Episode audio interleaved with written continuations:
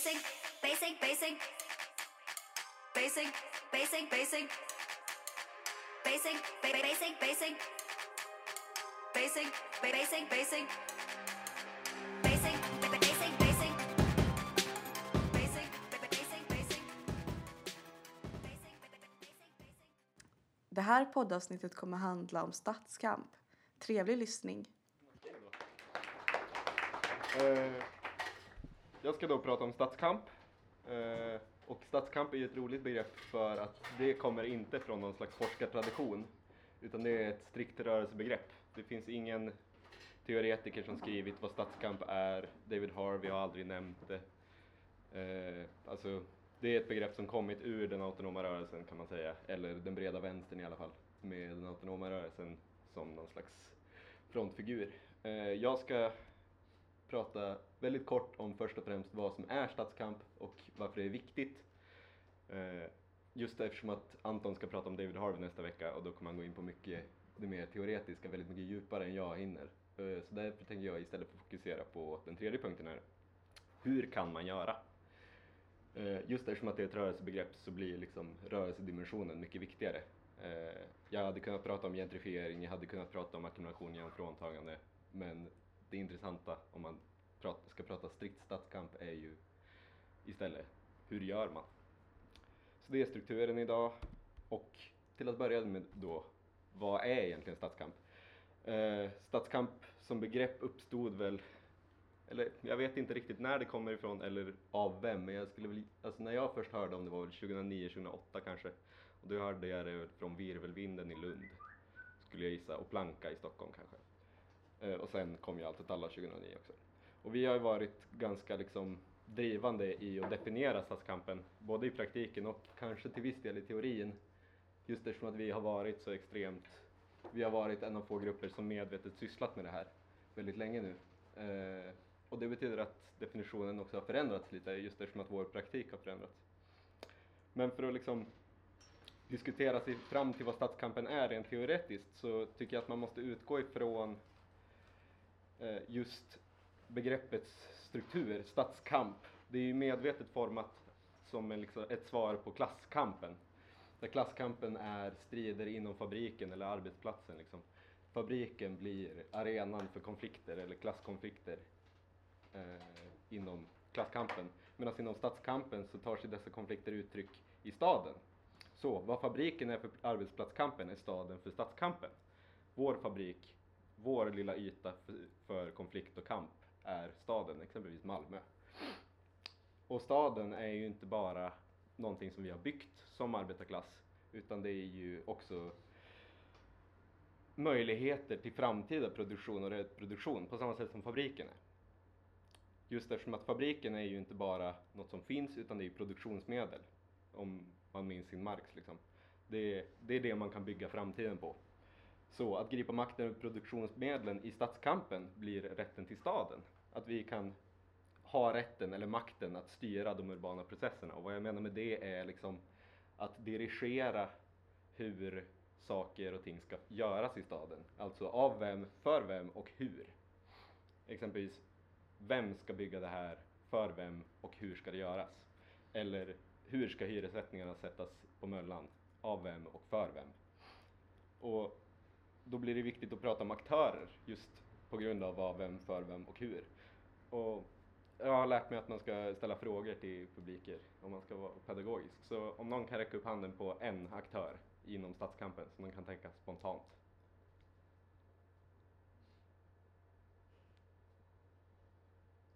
Inte någon. Kommun exempelvis. Kommunen vill ha rikare befolkning för en utökad stats, eh, skattebas. Så då höjer de hyror exempelvis för att få in rikare människor. Fastighetsägare vill ju vinstmaximera i sina bostadsområden så då höjer de också hyrorna. Det här är superenkla exempel. Men den viktigaste aktören inom stadskampen, just eftersom att det är ett rörelsebegrepp, blir ju, blir ju oss. Det blir ju det urbana proletariatet. Vi som bygger den här staden men som inte får bruka dess fulla maximala potential. Vi har byggt den här staden men den används inte för vår skull utan den används för att dra till sig rikare människor eller för att skjuta ut oss, rent ut sagt. Och viktiga teoretiker, även om återigen teoretikerna diskuterar aldrig statskamp explicit, så blir det viktigt att ta upp vissa teoretiker som pratat om det liksom i vida grepp. Och då är det Antonio Negri som har blivit väldigt mycket viktigare på senaste tiden exempelvis. David Harvey som har varit väldigt viktig sedan 80-talet. Och Henri Lefebvre som är liksom någon slags bakgrundsgestalt som var väldigt tidig i det här. Eh, fransk sociolog och filosof. Extremt luddig att läsa så jag rekommenderar det inte. Men eh, han är liksom viktig för David Harvey framförallt. Och David Harvey är väl den som jag skulle säga är vettigast att läsa. Det är den man lär sig absolut mest av. Antonio Negri skulle jag säga är absolut roligast att läsa. Eh, och gör en mest pepp på att göra motstånd. Och då blir det ju viktigt att prata om varför det här är viktigt. För en vanlig kritik mot statskampen är, eller inte kritik, men en vanligt sätt att se på statskampen är, det är en sån kul grej som alltid alla sysslar med. Mycket mediala grejer, eh, mycket trams. Vilket till stor del är vårt eget fel, eh, skulle jag säga. Eh, men, eh, så man kan se det som helt oviktigt, men en kul grej man kan syssla med ibland. Eller så kan man se det som helt oviktigt, vilket många arbetarister gör. Och ser, vi måste vara på arbetsplatserna, vi måste dela ut flygblad, vi måste liksom syssla med, vi måste återgå till fabriken. Och det är väl jättevettigt att göra det, men stadskampen är likväl superviktig. Jag skulle säga att det kanske är det viktigaste till och med. Och jag skulle då vilja citera Lefebvre. Revolutionen måste vara urban. Och varför säger han då detta? Jo, det är för att den sociala fabriken, som då är staden exempelvis, eh, alltså där vi producerar värde genom vår vardag. Inte så mycket att vi producerar en vara som sätts på ett rullband som sen eh, skickas ut på en marknad, utan att vi i vår vardag, i vårt vardagliga liv, hela tiden producerar värde i form av Malmö, exempelvis. Den sociala fabriken har blivit viktigare för kapitalismen just eftersom att den enkla varuproduktionen har tappat sin centrala position i västvärlden, exempelvis i Sverige. För fabriker, du kan sätta dem i Kina istället, på grund av globaliseringen så har det blivit billigare. Så då har man hittat nya sätt att exploatera eh, mer abstrakt och då blir staden väldigt viktig just eftersom att du kan till exempel skapa värde genom att gentrifiera. Eh, det är extremt luddigt, citera mig inte på det där, men för att förklara det väldigt simpelt eh, så är det väl liksom det man gör. Man, man brukar säga att vi bor i bo, finanskapitalismen eller bostadsmarknadskapitalismen idag, bland annat. Och tecken på det här går ju att se överallt. Och de tar sig ju i extremt stora uttryck i typ Västra Hamnen, men de tar sig också väldigt mycket mindre uttryck i vår lilla vardag. Typ vår hyra höjs för varje år som går. Ungefär tusen spänn av er hyra går direkt till vinst. Och det är extremt mycket. Eh, och det kommer bara bli värre och värre för varje år som går. Eh, men också i så här små enkla uttryck så som i att man bygger bänkar där hemlösa inte kan bo på. För eh, hemlösa är ju värdelösa i den här staden där man ständigt söker efter rikare invånare. Och det, är, det här sättet att strukturera staden är vad som brukar kallas den nyliberala staden. Och den innebär ju saker som gentrifiering, hyreshöjningar, nedskärningar inom social infrastruktur, typ vård, typ ungdomsgårdar, kultur och så vidare. Eh, och att man istället prioriterar insatser i stadens eh, attraktivitet. Alltså att man lite skiter i det vi Malmöbor faktiskt behöver för att istället slå upp stora balla grejer för att dra till sig folk utifrån och företag från utifrån. Man kan arrangera Norra Grängesbergsfestivalen, man kan arrangera Malmöfestivalen, man kan bygga Malmö Live. Symbolpolitik liksom. Om, om det är så att man inte känner att man förstår så får man jättegärna räcka upp handen just eftersom att jag bränner igenom teoridelen här just nu. Eh, jag förenklar extremt mycket men om man vill ha ett förtydligande så är det bara att räcka upp handen liksom. Men nu går vi till det som faktiskt är roligt. Nej, förlåt. Jag glömde en superviktig poäng. Och det är att arbetarklassen idag är djupt splittrad på sina arbetsplatser. Eh, vi är skiktade i olika former av anställning, vi är skiktade i olika former av arbete även på arbetsplatser. Vissa är prekärt anställda, vissa är fast anställda och sådana saker. Och arbetarklassen är också väldigt splittrad rent kulturellt med utbredd rasism och så vidare. Men då blir ju staden en bra gemensam nämnare. Om det är så att man kämpar i uppförsbacke på arbetsplatsen, det är svårt att organisera en hel arbetsplats just eftersom att den är så splittrad, så kan ju staden istället vara en ingång. För där finns det ju den gemensamma nämnaren som jag nämnde innan, det urbana proletariatet. Så det är liksom ett sätt att kringgå kapitalets skiktning av oss, att istället slåss i en annan arena. Så, vad kan man göra? Och jag har gjort en jävligt schematisk indelning som egentligen inte håller överhuvudtaget. Men jag har liksom gjort det för att kunna få en indelning. Alla de här kategorierna går in och ut i varandra hela tiden. När jag pratar om övertagandet av institutioner, de som sysslar med det sysslar alltid nästan med skapandet av institutioner. Och de sysslar nästan alltid med symboliska aktioner och så vidare. Och de sysslar nästan alltid med stadsdelsorganisering. Allt går in och ut i varandra. Så kategori, kategorierna håller ju inte. Men jag måste ju ändå kategorisera liksom. Så vi börjar med symboliska slash mediala aktioner och kampanjer.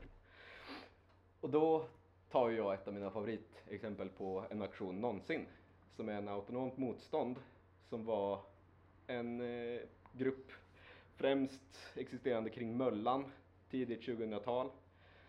Eh, sysslade med lite allt möjligt eh, men hade en ganska tidig statskampskritik. Och när Bo 01, som då är ett sånt symbolområde i Västra hamnen, invigdes så var det stängt för allmänheten. Vem som helst kunde inte ta sig dit. Vilket betydde att de här härliga anarkisterna hoppade i vattnet på ribban, simmade över med fanor och allt till bonollet, ställde sig där och höll ett troligen jävligt tramsigt tal skulle jag gissa.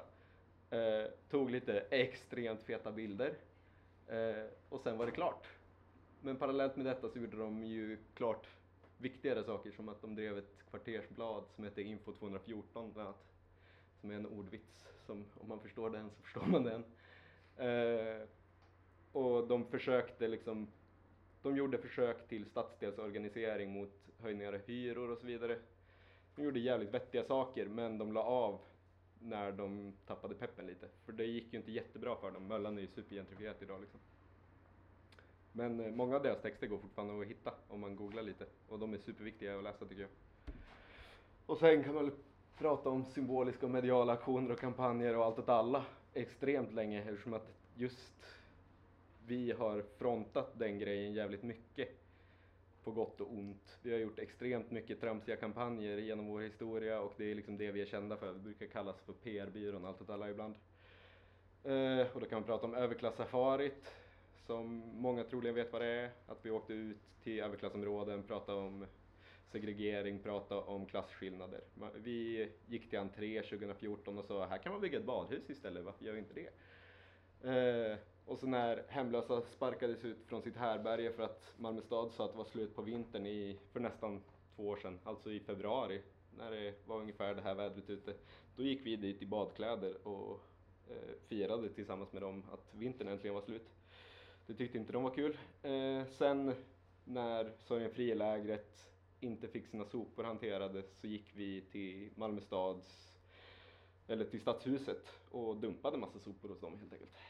Eh, och så vidare i all oändlighet, för det här har vi gjort extremt mycket.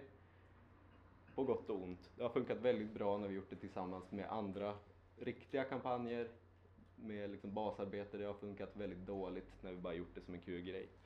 Det är en lärdom jag verkligen vill att folk ska lära sig av, för annars blir det bara meningslöst. Eh, man kan också prata om Manglas röda drömmar som är deras senaste projekt, där jag tror SUF också var med, som är jävligt fett. Att de eh, har hängt upp banderoller och gjort lite små aktioner på olika ställen, Framför, så här symbolbyggnader i Malmö. Så Hylje exempelvis, som ni ser där i mitten, eh, där de säger att det här kunde varit ett växthus istället. Eller i entré till vänster, det här hade kunnat vara ett badhus. Eh, eller Planka.nus massplankningar som de har ibland, som är rent medialt, eller så här mobiliserande. Det handlar inte om att skapa någon direkt makt, utan det handlar bara om att visa sig. Båda grejerna är superviktiga såklart. Och just att de här aktionerna är ju ganska tama i sig själva. Att om man bara gör en sån här grej så försvinner det väldigt lätt. Du måste ha någon slags grund i det. Och exempel på sådana grunder kan ju vara just Autonomt motståndsinfo 214 som var deras kvartersblad eller Allt åt alla Malmös mötesplats för EU-migranter som vi, som jag kommer prata om senare också. Eller Planka.nus bötesfond som då var praktisk eh, stöd inom denna konflikt snarare än bara något medialt. Och för att gå vidare till en helt annan form av organisering så är det stadsdelsorganisering. Som är en jävligt uppåtsvingande grej just nu. Det händer mycket saker och det är framförallt på grund av Alla ska kunna bo kvar som är en organisation som kommer från Göteborg och härstammar från konflikterna kring Pennygången som är ett gammalt miljonprogram där Stena Fastigheter som äger området bestämde sig för att renovera för att alla lägenheterna är i förfall liksom. Det är ju miljonprogramsskit liksom. Och då tog de också chansen att renovera på jävligt fula sätt genom att fuska ganska mycket i att höja standarden. Standarden höjdes ju inte rent bruksvärdesmässigt. De bytte ut så här bra gamla möbler av trä som höll med billig skit från Ikea. Men eftersom att billig skit från Ikea är nytt så kan man höja hyrorna. Så de fick 50-80% hyreshöjning vill jag minnas. Och då bråkade de extremt mycket om det, folklig mobilisering liksom. Och i slutändan vann de inte på penningången men de sänkte det till, jag minns inte, 14% hyreshöjning tror jag. Det är väl någon slags seger såklart. Eh, och den här formen av organisering, framförallt alla ska kunna bo kvar, har till stor del uppkommit utanför den autonoma vänstern. De använder mycket av vårt gamla språk som vi uppfann genom våra statskampsrörelser genom 2000-talet. Men de har bara haft lösa kontakter in i den autonoma vänstern. De har inte varit beroende av oss. Och de kommer ju fortsätta växa just eftersom att miljonprogrammen är i förfall i hela jävla landet liksom. Och de kommer växa i Malmö när Rosengård är på väg åt helvete. Det kommer växa i Nydala.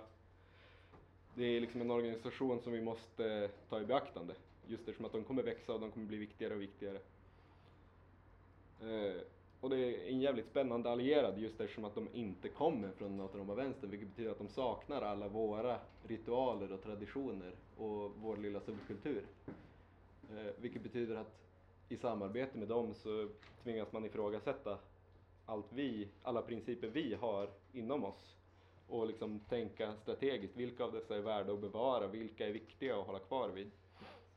Så därför tror jag det är väldigt givande eh, att just samarbeta med dem och liknande organisationer. Och jag är ganska säker på att de kommer behöva oss i framtiden. Och jag är väldigt säker på att vi behöver dem just nu.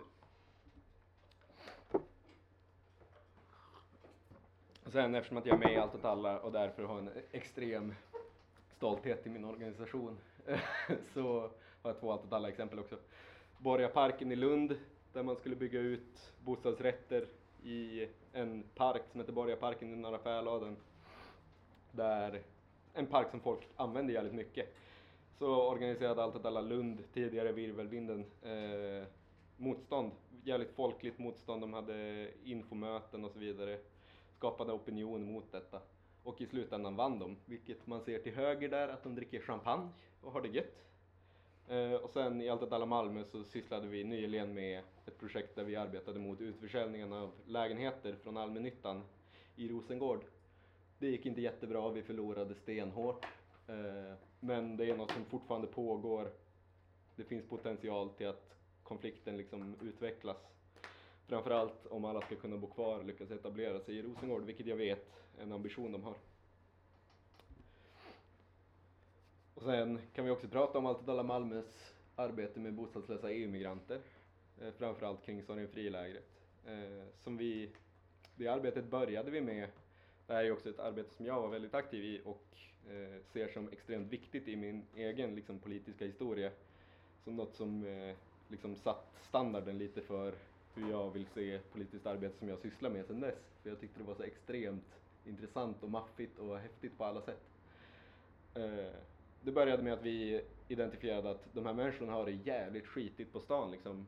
Kommunen behandlar dem som skit, snuten behandlar dem som skit, fastighetsägare behandlar dem som skit och de utsätts för fascistisk terror liksom. Så vi tänkte, vi måste göra något tillsammans med de här människorna. Så vi öppnade en mötesplats på Industrigatan på Kvarnbys lokaler som vi höll öppen en gång i veckan i ett och ett halvt år. Vi stängde nyligen på grund av rent logistiska skäl eh, och lite strategiska. Eh, och till denna mötesplats så kom det ju extremt mycket folk. Vi hade 60 pers där ofta. Eh, och på de här mötena så diskuterade vi strategi, vi diskuterade planer, vi diskuterade problem, vi snackade lösningar liksom. Eh, och den organiseringen resulterade i massa debattartiklar som vi skrev ensamma och tillsammans med EU-migranter själva. Där vi ställde krav och så vidare. Och vi eh, öppnade upp för att ha ett möte med politiker, ett möte där ingen politiker kom för de sa Sören Frilägret, det är giftigt att vara där, vi tänker inte komma. Vilket bara var en seger för oss, för det, de poängterade liksom vår kritik väldigt väl själva. Eh, och sen gjorde vi massa aktioner och grejer, bland annat gick vi till kommunhuset när de eh, hade sitt möte. 60 rumäner, 10 allt åt alla medlemmar och vi blev utkastade när vi drog upp en banderoll och skrek lite på dem. Allt väldigt kul. Men hela poängen var att vi ville göra gemensam praktik, vi ville göra motstånd ihop. Och sen vräktes ju Soren i lägret, eh, så vi förlorade ju här också liksom. Men det är viktigt att analysera ens förluster liksom.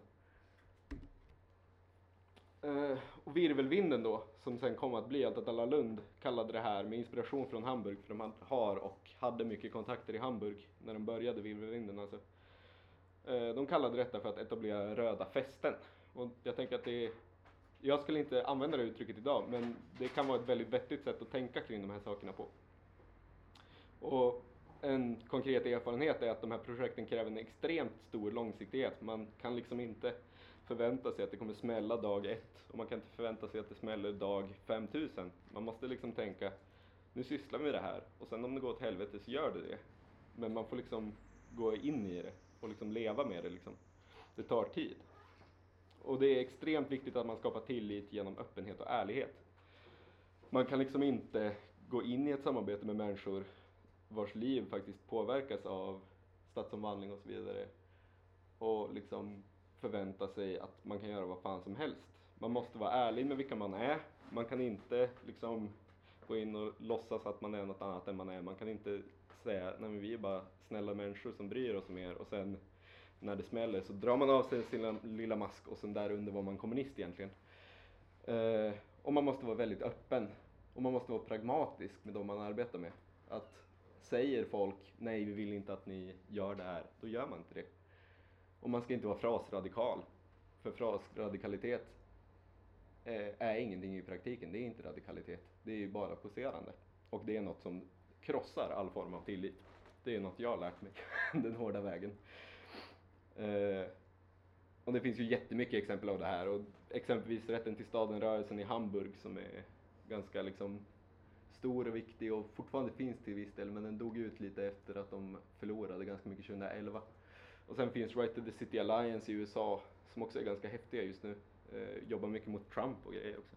Som har gått från stadsdelsorganisering mot hyreshöjningar till mycket bredare politisk verksamhet. Och sen för att gå vidare till vad jag tycker är det absolut mest spännande inom stadskamp. Och det är skapandet av institutioner. Och det kan ju låta lite kryptiskt. Vad är en institution? Men det är ett begrepp som faktiskt kastas omkring ganska mycket inom rörelsen. Eh, framförallt på kontinenten, i Italien bland annat, så pratar man mycket om institutioner.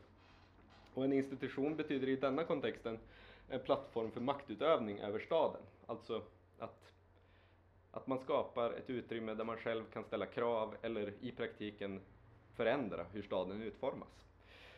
Ta makten över stadens resurser, inte bara kräva utan att i praktiken skapa. Att man skapar sin rätt till staden.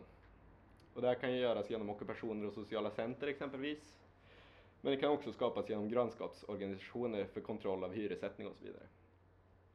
Och det man då kan säga för att återgå till den här jämförelsen med den sociala fabriken och fabriken, klasskampen och stadskampen. Så kan man säga att det facket är på fabriken är det urbana proletariatets institutioner i staden. Ett slags socialt fack, eller ett samhällsfack. Eh, som Kämpa Tillsammans kallade det för länge sedan vill jag minnas. Och exempel på detta är Kulturhuset i Umeå som uppstod i konflikterna kring kulturhuvudstadsåret 2014 då stan, eller Malmö, Umeå kommun skar ner skitmycket i kulturen eh, som faktiskt fanns och by- istället byggde massa symbolbyggnader. De byggde Väven som nu är deras stora kulturhus. Och de gentrifierade och förändrade hela eh, innerstan. Eh, och som svar på detta så gick kulturutövare och vänsteraktivister och ockuperade en gammal lokstall tror jag det var. Eller busstall, något av dem. Eh, och helt enkelt bedrev ett litet socialt center slash kulturhus där. Eh, en ockupation som fick extremt stort folkligt genomslag. Folk uppskattade det väldigt mycket och konfliktlinjen fanns kvar. Även om den tappades kanske lite. Jag, jag har inte jättebra koll för jag var inte med. Men det jag har hört från kamrater är att konfliktlinjen låg kvar. Alltså att det här huset inte bara blev ett utrymme där man gjorde kultur utan att det här var i direkt konflikt med Umeå kommun. Och ett annat exempel som är väldigt kopplat till det här är ju Dungen i Umeå som då var en gräsplätt på Ålidhem dit boende i området helt enkelt gick och bara tog över och byggde en park av det. Den står än idag, till skillnad från Kulturhuset som har tvingats lägga ner. Och man kan också säga att ockupationsvågen 2008-2009 hade ambitioner om att skapa sådana här institutioner genom att ockupera hus och utifrån dem ställa krav eller producera makt, hade man kunnat säga. Så då kan man prata om ockupationsfestivalen, som var en mobiliserande, eh, jävligt ball mobilisering, men eh, vi vann ju liksom inte någonting direkt. Och Smultronstället som var en ockupation i Lund, eh, där man kunde bo helt enkelt, som också blev vräkt. Och Romano Trajo som var ett, en fritidsgård som stängdes ner av eh, Lunds kommun och som sen ockuperades. Alla de här tre exemplen skulle jag säga är förluster. Men jag tycker ändå de är intressanta att ta upp. Eh, och framförallt ockupationsfestivalen tror jag vi har mycket att lära oss av än idag. Just eftersom att vi förlorade så himla hårt.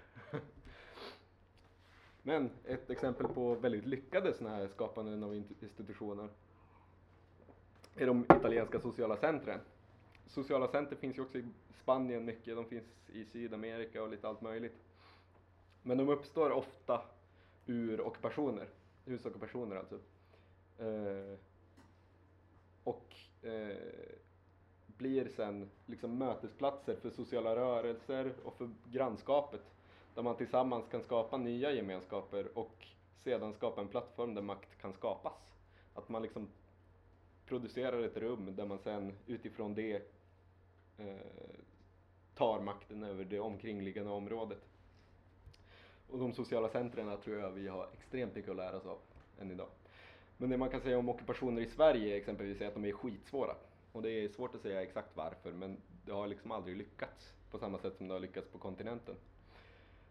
Och möjliga svar på det här är ju att vi har en väldigt stark polis och vi har en väldigt stark stat.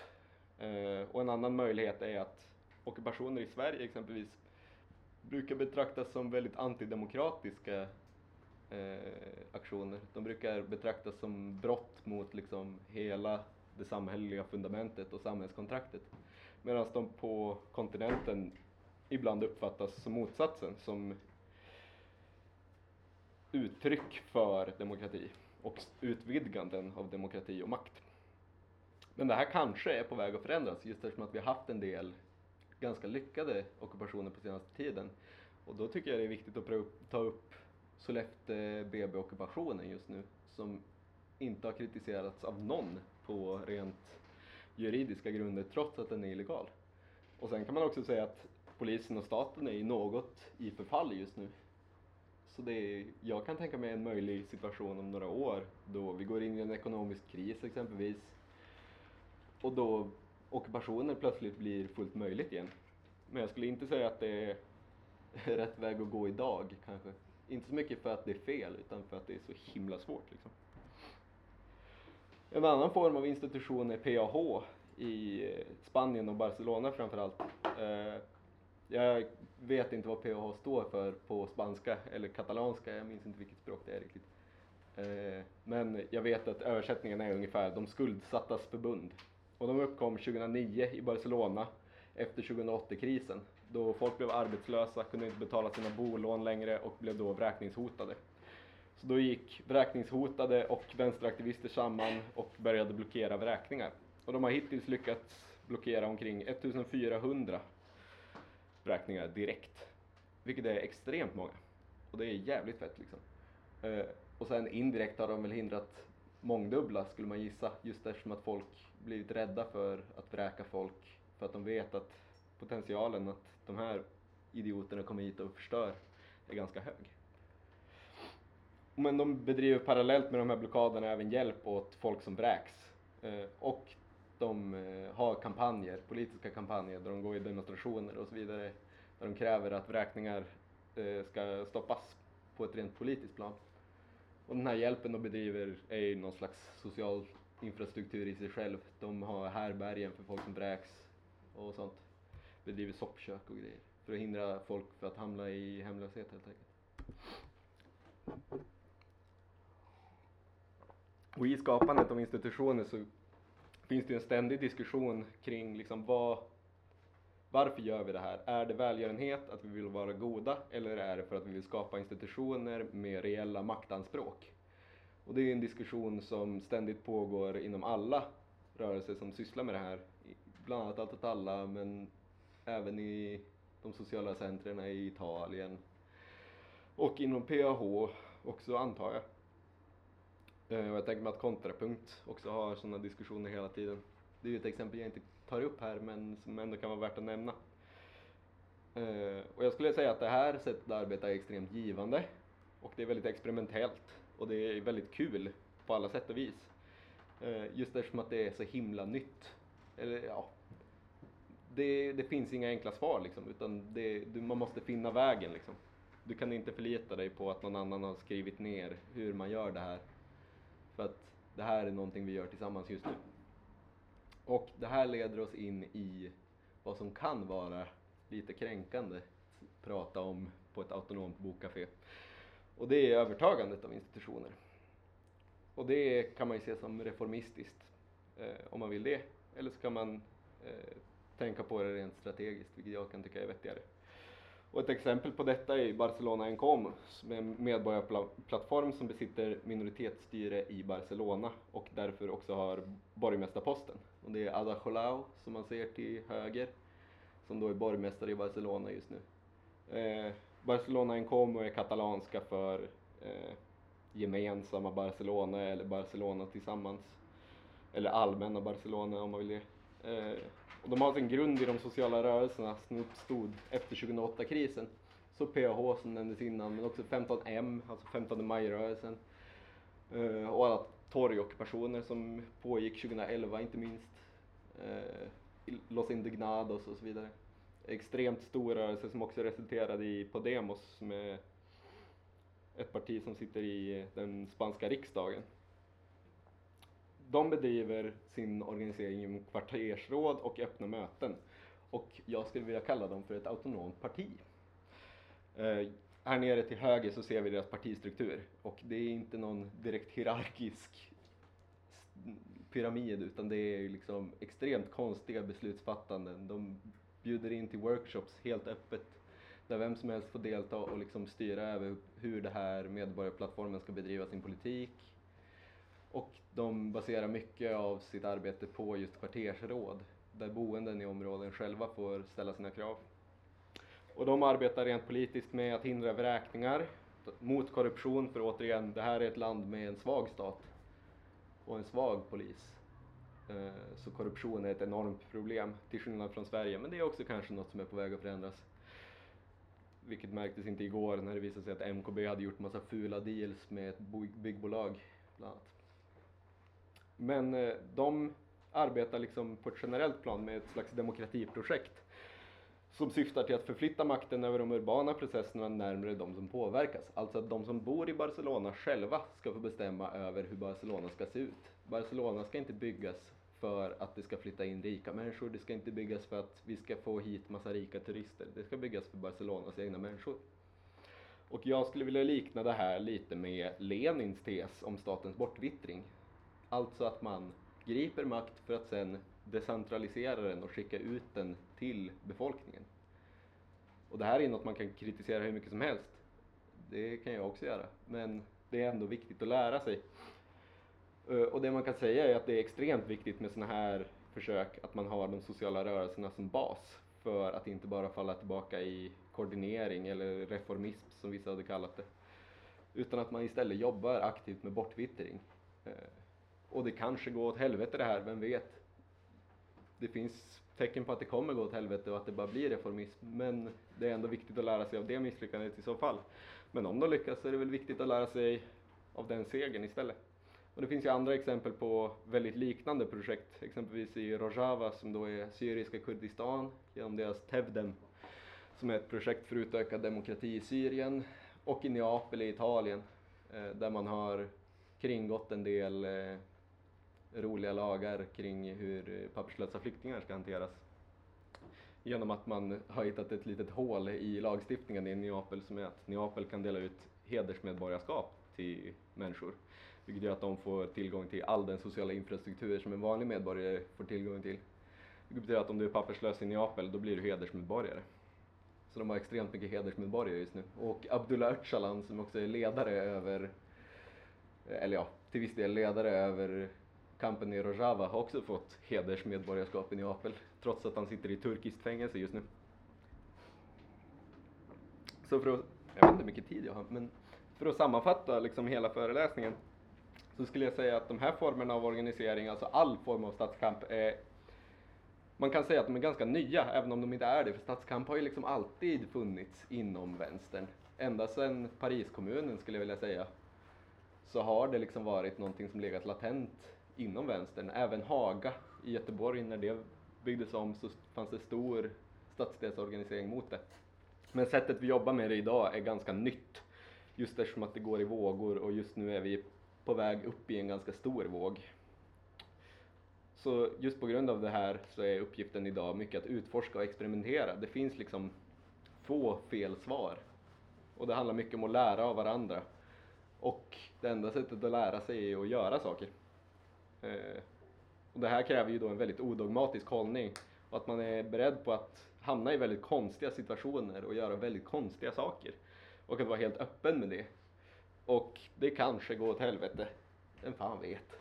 Men då har man i alla fall försökt och kan lära sig av det. Eh, och för att uttrycka det lite eh, odiplomatiskt så måste man gå utanför sin lilla vänsterbubbla helt enkelt. Och med det går jag vidare till mina bokstips. Och då vill jag framförallt tipsa om texten högst upp, alltså Barcelona and Como, The City as Horizon for Radical Democracy, som går att hitta på Roarmag om man googlar. Jag kommer inte ihåg vad hon som skrev den heter, men hon är spanjorska vill jag minnas. Det är en fantastisk text som liksom kritiserar och analyserar projektet Barcelona en Como och liksom pekar på hur det är en möjlighet till radikalt nya sätt att tänka kring staden. Den är fantastiskt bra, kanske lite svårläst just eftersom att den är på engelska. En text på svenska som jag också vill rekommendera är Skapandet av de urbana allmänningarna av David Harvey som är en text som finns på engelska i den här boken, Rebel Cities, som också är utan tvekan världens bästa bok. Eh, men om man googlar på Skapandet av de urbana allmänningarna så får man upp en länk på alltetalla.com, eller alltetalla.se heter den numera, där eh, en kamrat i Umeå har översatt det bästa kapitlet i den boken och har lite studiecirkelsmaterial till den som man verkligen borde läsa för det är en fantastisk text. Om man vill läsa något extremt lättsmält, vilket man såklart vill, så kan man ju läsa Rätt att bo kvar som är ett häfte framtaget av folk som har jobbat med stadsdelsorganisering i Göteborg framförallt. Katarina Törn, Mattias Krusell och Malin Videhammar. Katarina Törn är också forskare och Malin Videhammar är aktiv i Alla ska kunna bo kvar och Mattias Krusell är med i Allt alla Göteborg. Den är typ tips på hur man gör eh, motstånd i sitt grannskap. Eh, extremt konkret och lätt. Den går att köpa här för 60 pix också. Den går också att hitta gratis på internet om man googlar på det som pdf. De delar ut den gratis på internet. Och då för att gå vidare till Nästa poddavsnitt kommer handla om teoretikern David Harvey. Vill ni ha mer information om Amalthea Bokcafé och vår föreläsningsserie Basic? Likea oss på Facebook, följ oss på Instagram och Tumblr, men framförallt besök oss på kaféet. Våra öppettider är måndag till torsdag 16 till 19. Tack för att ni lyssnade. Basic, basic, basic.